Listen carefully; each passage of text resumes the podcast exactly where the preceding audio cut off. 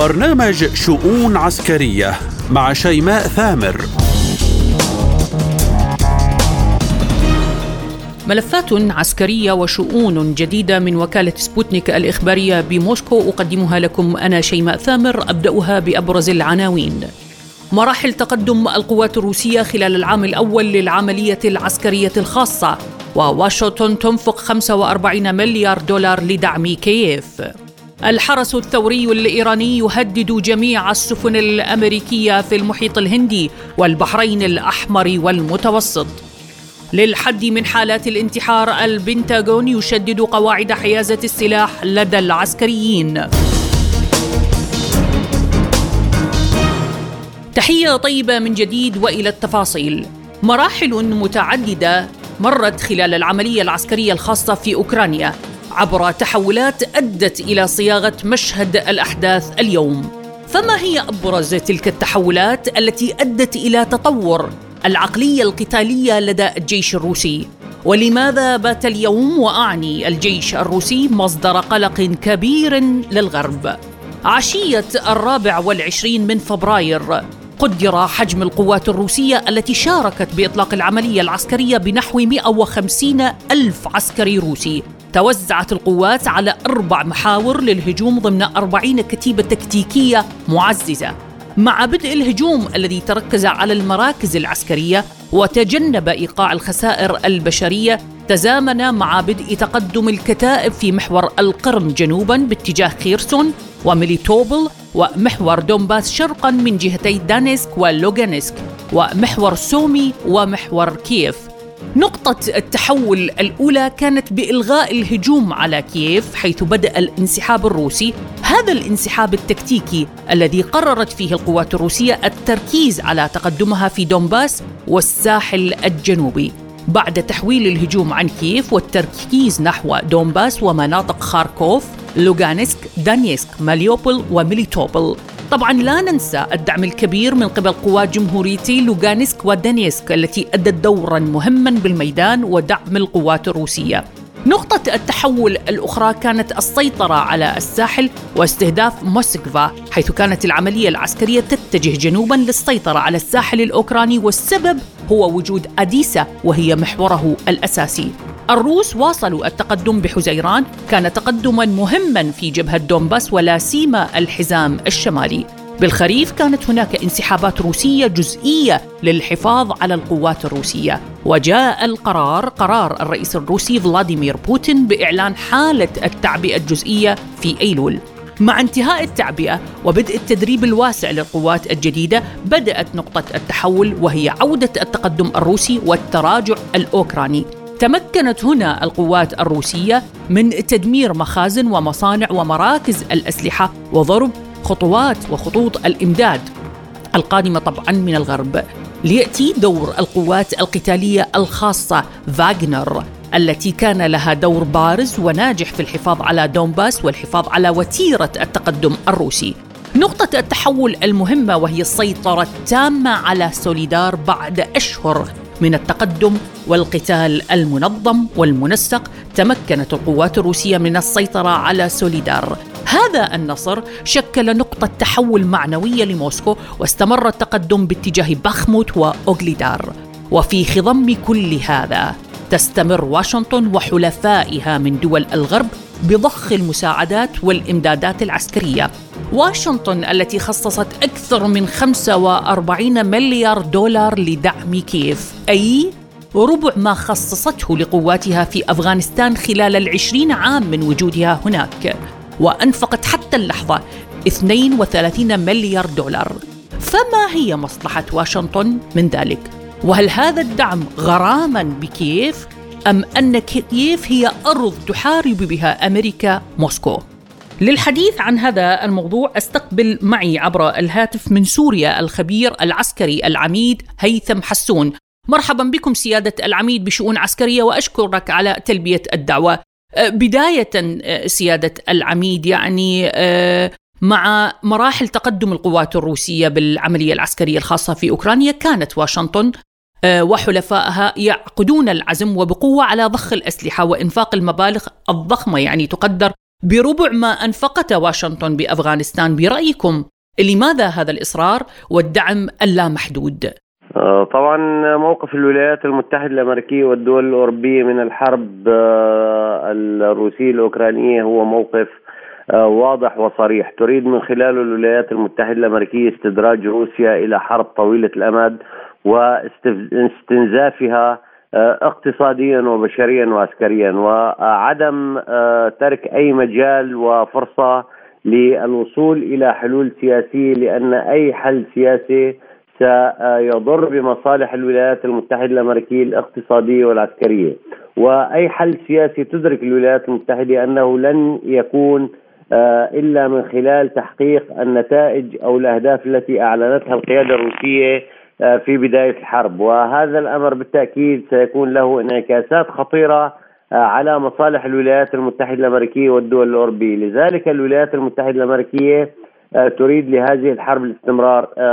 أيضا هناك موضوع مهم جدا هو الموضوع الاقتصادي ذو الشقين، الشق الأول العسكري المتمثل بعودة مصانع السلاح الأمريكية إلى ذروة إنتاجها لتغذية الحرب اولا ولتغذية الدول الأوروبية التي أعادت آه، التفكير وأعادت آه، إحداث خطط جديدة للتسلح.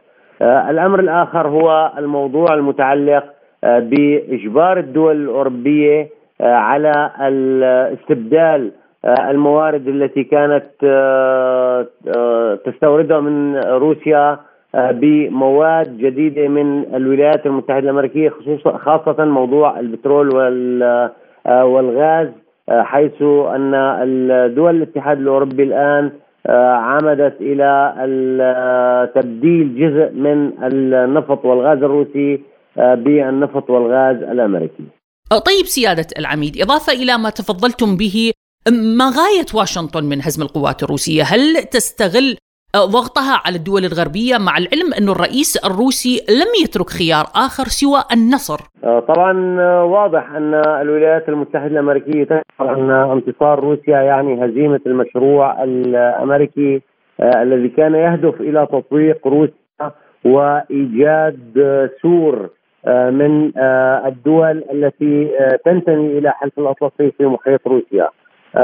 الأمر الآخر أن انتصار روسيا يعني انهيار النظام العالمي القديم الذي كان يعتمد بشكل أو يقوم بشكل أساسي على قيادة الولايات المتحدة الأمريكية وإدارته وإدارتها للعالم. لذلك الولايات المتحدة الأمريكية تشعر أن هذا الموضوع خطر جدا آه، بالإضافة إلى أن انتصار روسيا سيعني ترك عدد كبير من حلفاء الولايات أو خروج عدد كبير آه، من الدول التي ترغب بالتخلص من هيمنة الولايات المتحدة الأمريكية آه، سيكون هناك مجال لهذه الدول اللجوء إلى دولة بديلة أو قوة بديلة هي روسيا. ختاما سيادة العميد الناتو اليوم على لسان الأمين العام له أكد أن الأطلسي يخشى انتصار روسيا. لماذا هذا الخوف من النصر الروسي برأيكم؟ طبعا الناتو هو عبارة عن الذراع العسكري للولايات المتحدة الأمريكية. هو عبارة عن المتمم آه، للبنتاغون الأمريكي وبالتالي آه، لا لا يتحدث المسؤولون في الناتو إلا ما تريده آه، الولايات المتحدة الأمريكية. إضافة إلى أن الدول الأوروبية في الحقيقة لا تمتلك قرارها السيادي الذي يمكن من خلاله أن آه، تعارض مشاريع وخطط الولايات المتحدة الأمريكية. آه، الحلف الناتو يدرك جيدا آه، أن موضوع انتصار روسيا يعني بدء تفكك هذا التحالف العسكري. لذلك الولايات المتحدة الأمريكية حريصة كل الحرص على محاوله منع روسيا من تحقيق الانتصار. في هذه الحرب. الخبير العسكري العميد هيثم حسون كنت معي ضيفا كريما بشؤون عسكرية، شكرا لكم وحياكم الله.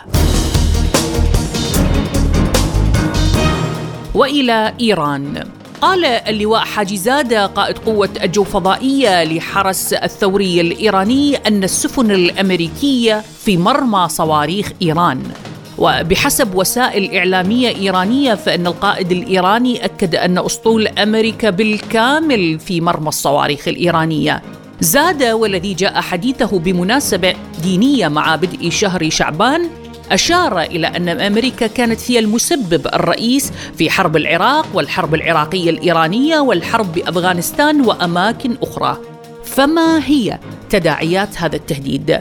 عن هذا الملف وللحديث عنه استقبل معي الخبير بالشأن الإيراني الأستاذ مصدق بور. أحييك أستاذ مصدق معنا. أه، بداية يعني الحرس الثوري الإيراني اليوم يهدد وبصريح العبارة السفن الأمريكية في مرمى صواريخنا.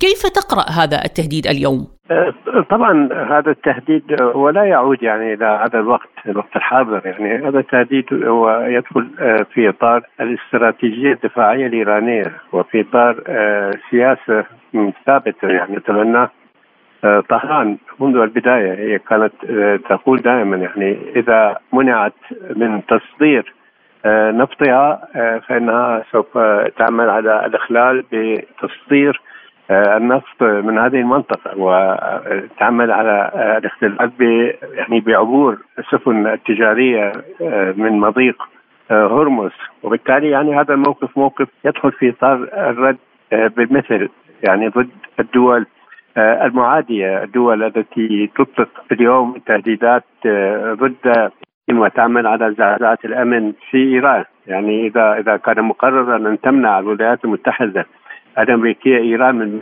نفطها وبالتالي إيران سوف لن تسمح يعني بمرور ناقلات النفطية مرور سائر السفن محمله بالسلع التجاريه وهي عائدة يعني تابعة لدول حليفه للولايات المتحدة الأمريكية وهي أيضا سوف لن تتمكن من المرور بالسلام من مضيق هرمز.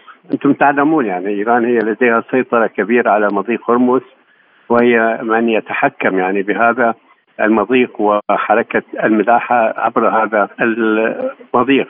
طبعا نحن جربنا يعني إيران هي في الواقع العملي هي هي أقدمت على نفس هذا الشيء. يعني عندما تم في موضوع الناقلة النفطية الإيرانية التي سجلتها اليونان إيران بادرت يعني إلى توقيف شحنات نفطيه تابعة لليونان في المتوسط يعني في البحر المتوسط والمثل يعني على هذه القرصنة اليونانية في المياه الخليجية طبعا.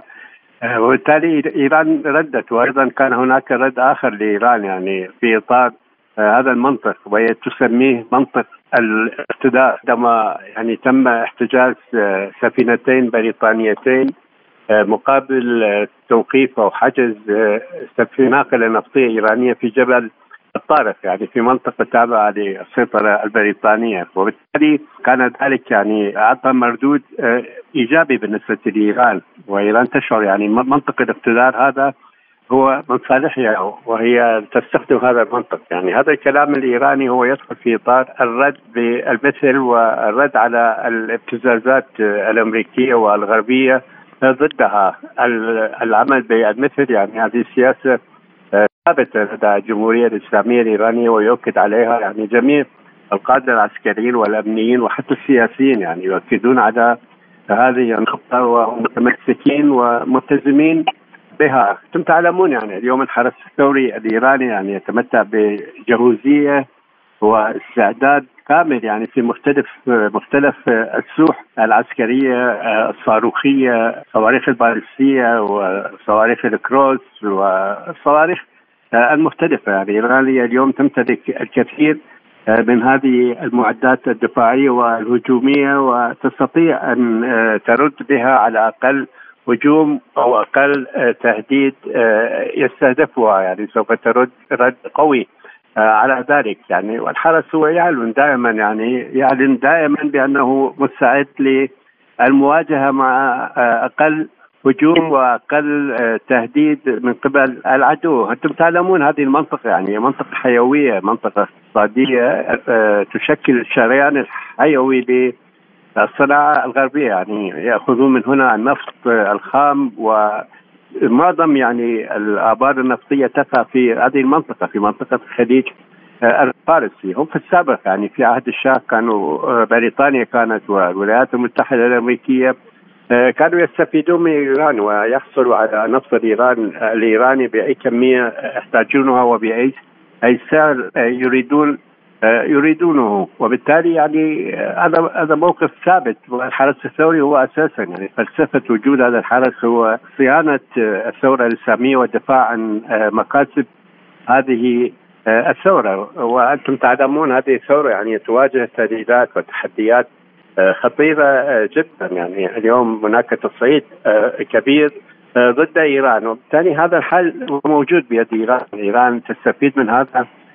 الحد وهي هي من يتحكم كما قلت يعني بمضيق هرمز وبالتالي هي هي سوف ترد عليهم من هذه النقطة. عذرا على المقاطعة أستاذ مصدق، هل تعتقد أن إدراج الحرس الثوري الإيراني بقائمة الإرهاب يعتبر أحد أسباب هذا التهديد الصريح لواشنطن؟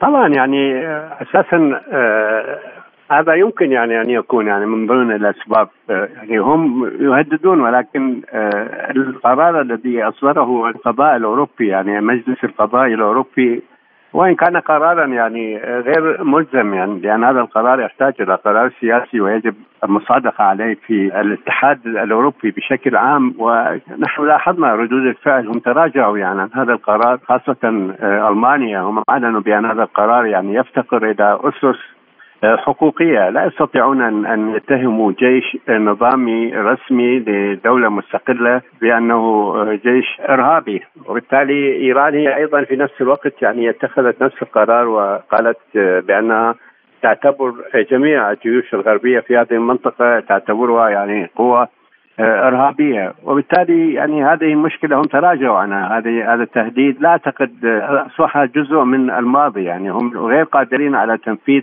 هذا تهديد سواء من حيث عدم قانونية وعدم حقوقية. هذا التهديد التهديد وهذا العمل وأيضا سواء من ناحية أنهم يعلمون يعني حقيقة قدرة الحرس الثوري وكيف سيرد عليهم. الحرس اليوم يسيطر يعني على منطقة الخليج الفارسي وحتى على بحر عمان. سوف يتصدى لهم الحرس يعني من هاتين المنطقتين. وبالتالي ربما يعني الحرس الثوري أيضا ربما يريد من جديد أن يبعث برساله استباقيه إليهم يعني ربما لاننا سمعنا يعني في الآونة الأخيرة هم كرروا نفس هذا الكلام وكانت هناك مطالبات من بعض الأوساط الغربية بتفعيل هذا المشروع باتهام الحرس الثوري بأنه منظمة إرهابية. ربما أيضا هذه تكون رسالة استباقيه لهم. ختاما أستاذ مصدق يعني تل أبيب اليوم ترفع حالة التأهب القصوى وبنفس الوقت تؤكد أن الملف الإيراني النووي أصبح ميتا اليوم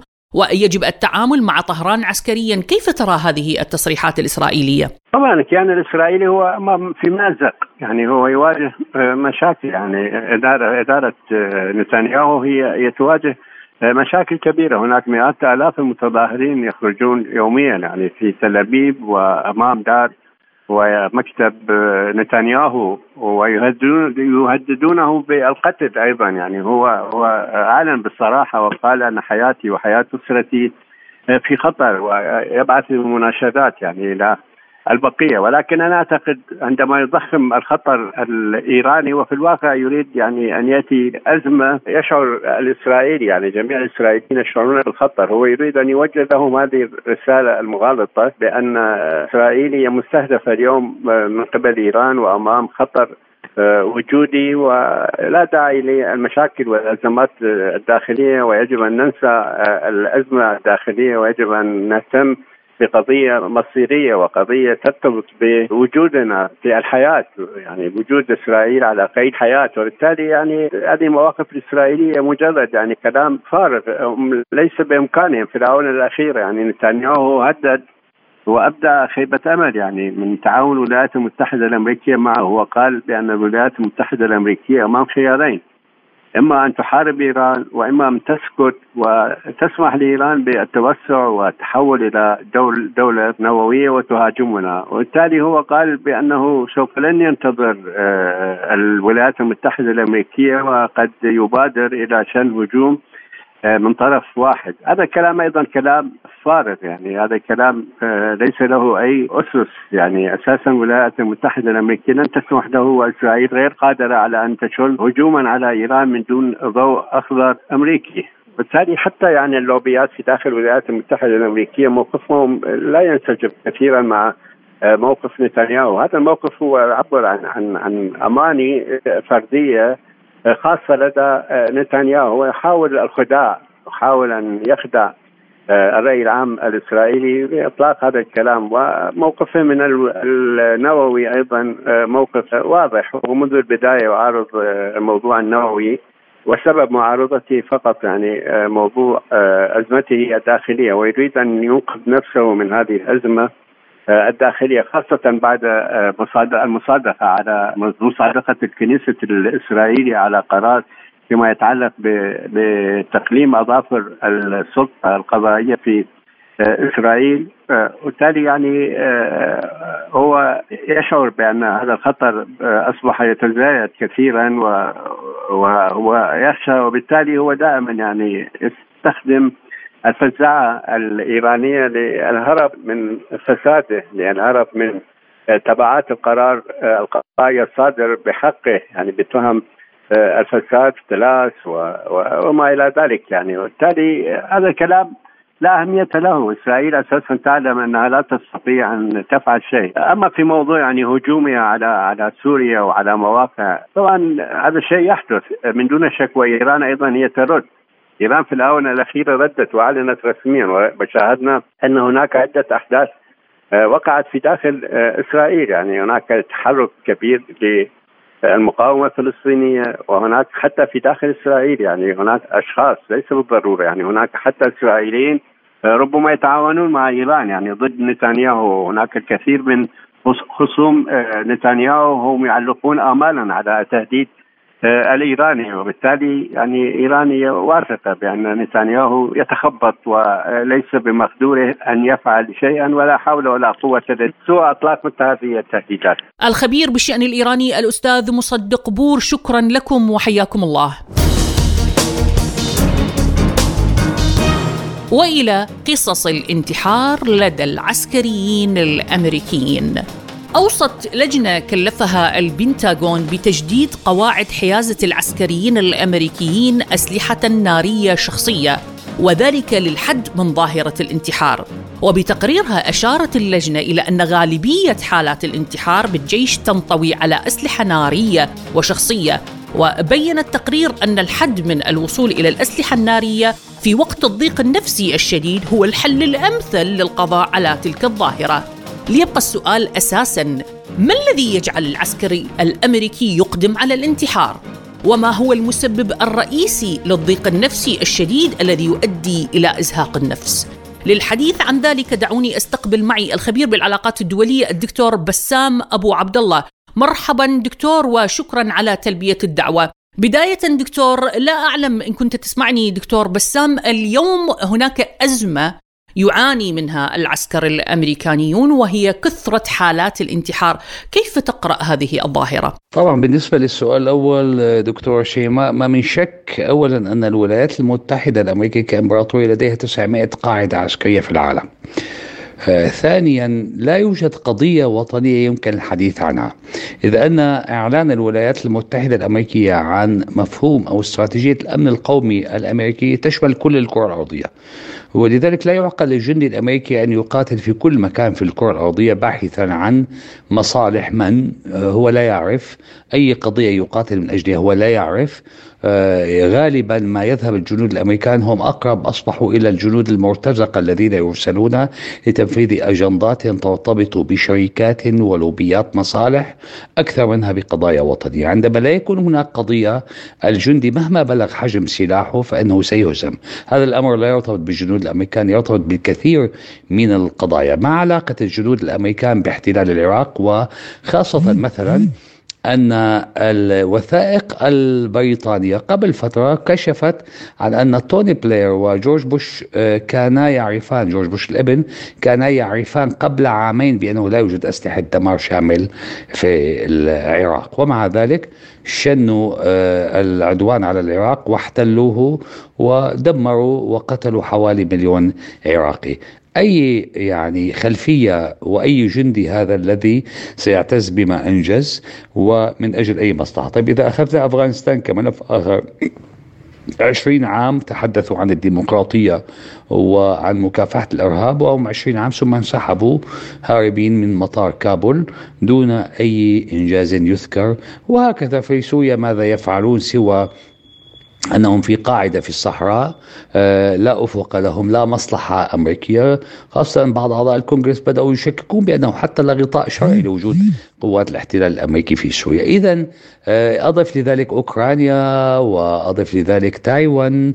اذا كيف يمكن لهذا الجندي الأمريكي وبأي مصلحة يقاتل؟ يقاتل من أجل المال. المال ليس قضية وطنية كبرى يمكن الدفاع عنها. ولهذا نجد أن هذا سيخلق فراغا روحيا لأن أهم عامل لدى الجندي المقاتل في أي قوات مسلحة هو عامل العقيدة والإيمان. وطالما أنه لا يوجد إيمان وعقيدة لدى الجنود الأمريكان سنجد أنهم يهزمون في أكثر من في الكثير من مفاصل الحرب لنأخذ فيتنام أو العراق أو أفغانستان.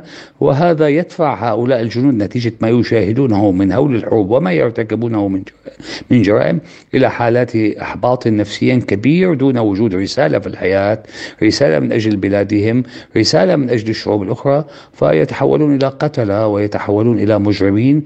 ليس وليس إلى جنود يعني يقاتلون ضمن إطار عقيدة تضعها يضعها الجيش الأمريكي. آه، هذا السبب قد يكون أحد العوامل التي تؤدي إلى حالات نفسية خاصة وأن إلى حالات نفسية وقد تؤدي إلى الانتحار إذا لم نضف إلى ذلك البعد الاجتماعي والابتعاد عن الأسرة والعائلة ووجودهم دائما مشتتين في كل أصقاع الأرض. دون أقول هدف وطني واضح لأن الولايات المتحدة تعتبر الكرة الأرضية كلها أمن قومي أمريكي وهذا بالطبع طرح. يعني أولا آه، هو طرح آه، آه، إمبراطوري فاشل لم يعد له صدى وتأثير وأيضا بدنا نرى أن كثير من قادة البنتاغون كثيرا ما يعترضون على القرارات السياسية ويبدو رأيهم بضرورة عدم الانخراط في الكثير. من الحروب في العالم. بشكل عام أنا أعتقد نعم هذا الأمر تدخل الولايات المتحدة وغزواتها منذ أكثر من مئة عام آه، بالطبع ينعكس على واقع تفكك هؤلاء على ضعفهم النفسي وعدم وجود قضية محقة يقاتلون من أجلها. طيب دكتور البعض يرى أن الحالة النفسية التي يمر بها العسكري الأمريكي لها علاقة بالحرب التي خاضتها واشنطن بالعراق بأفغانستان بسوريا على سبيل المثال كيف تقرأ ذلك؟ في جوابي الأول أجبت عن هذا الجزء. طبعا هناك علاقة في كل هذا الانتشار الأمريكي عبر أصقاع الكرة الأرضية في أربع رياح الأرض كما يقال. آه هذا له علاقة. إذا الجندي الأمريكي يأتي إلى بيئة مهما درسها في مؤسسات البنتاغون أو تعلم على خرائطها ولكن هناك تفاصيل كثيرة لا يعرفها العادات والتقاليد والبيئة وكيفية من أجل ماذا يقاتل. وعن ماذا يدافع. هذه العقدة تشكلت لدى الأمريكان ليس فقط على الأقل في القرن العشرين مع بدايات في ستينيات القرن الماضي آه، إن صح التعبير عقدة فيتنام التي تسببت بأجيال آه، لديها عقدة من حرب فيتنام وظلت هذه العقدة موجودة لدى كثير من آه، متقاعدي الحرب أو الذين شنوا الحرب على الشعب الفيتنامي. فيما بعد تشكلت عقدة العراق ثم عقدة أفغانستان وستتشكل عقدة سوريا. أو عقد كثيرة لدى هؤلاء الجنود كما قلت قبل قليل الذين يقاتلون دون وجود قضية محقة. عندما يقاتل الجندي دون وجود قضية محقة يتحول إلى أقرب إلى المرتزق إلى إلى من يقبض مالا مقابل أن يقوم بمهام القتل وبمهام الهيمنة والسيطرة على شعوب وبلدان أخرى، هذا بالطبع سينعكس على واقعه النفسي وواقعه الاجتماعي وعلى الهدف الذي يعمل من أجله، لا يوجد أهداف محددة وطنية أو عقائدية يمكن للأمريكان يعملها سوى أنه يعني يتحول إلى قاتل ومجرم في كل البلدان التي يذهب إليها. وهذا الأمر بالطبع يضعف بقاء أي جيش يضعف البنية الأخلاقية له. آه، وهنا أذكر أن أحد السيدات الأمريكيات اللواتي قتل ابنها الوحيد آه، يعني اللواتي قتل ابنها الوحيد في في العراق. نصبت خيمة أمام مزرعة جورج بوش الإبن وظلت تسأل هذا السؤال لماذا قتل ابني؟ يعني عن ماذا كان يدافع ابني؟ هذا السؤال هو الذي تطرحه هذه السيدة الأمريكية وغيرها كثر من أجل ماذا؟ هل من أجل شركة هالبرتون التي كان يملكها ديك تشيني أم من أجل شركات النفط أم من أجل المجمع الصناعي العسكري الذي يريد المزيد من الحروب والقتل والدمار في العالم؟ بالطبع هذا يجعل مثل هذه الحالات تكثر.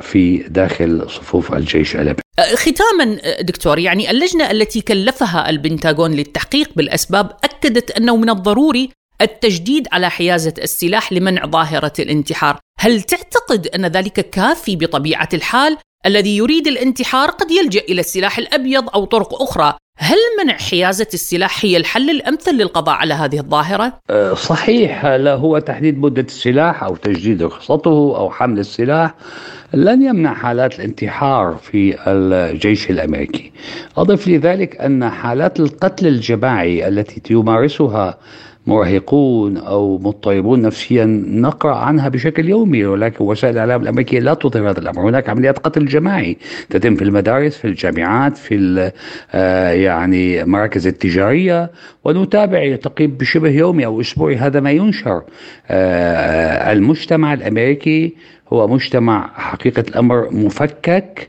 لا تجمعه إلا المصلحة الاقتصادية ولا يوجد شيء آخر.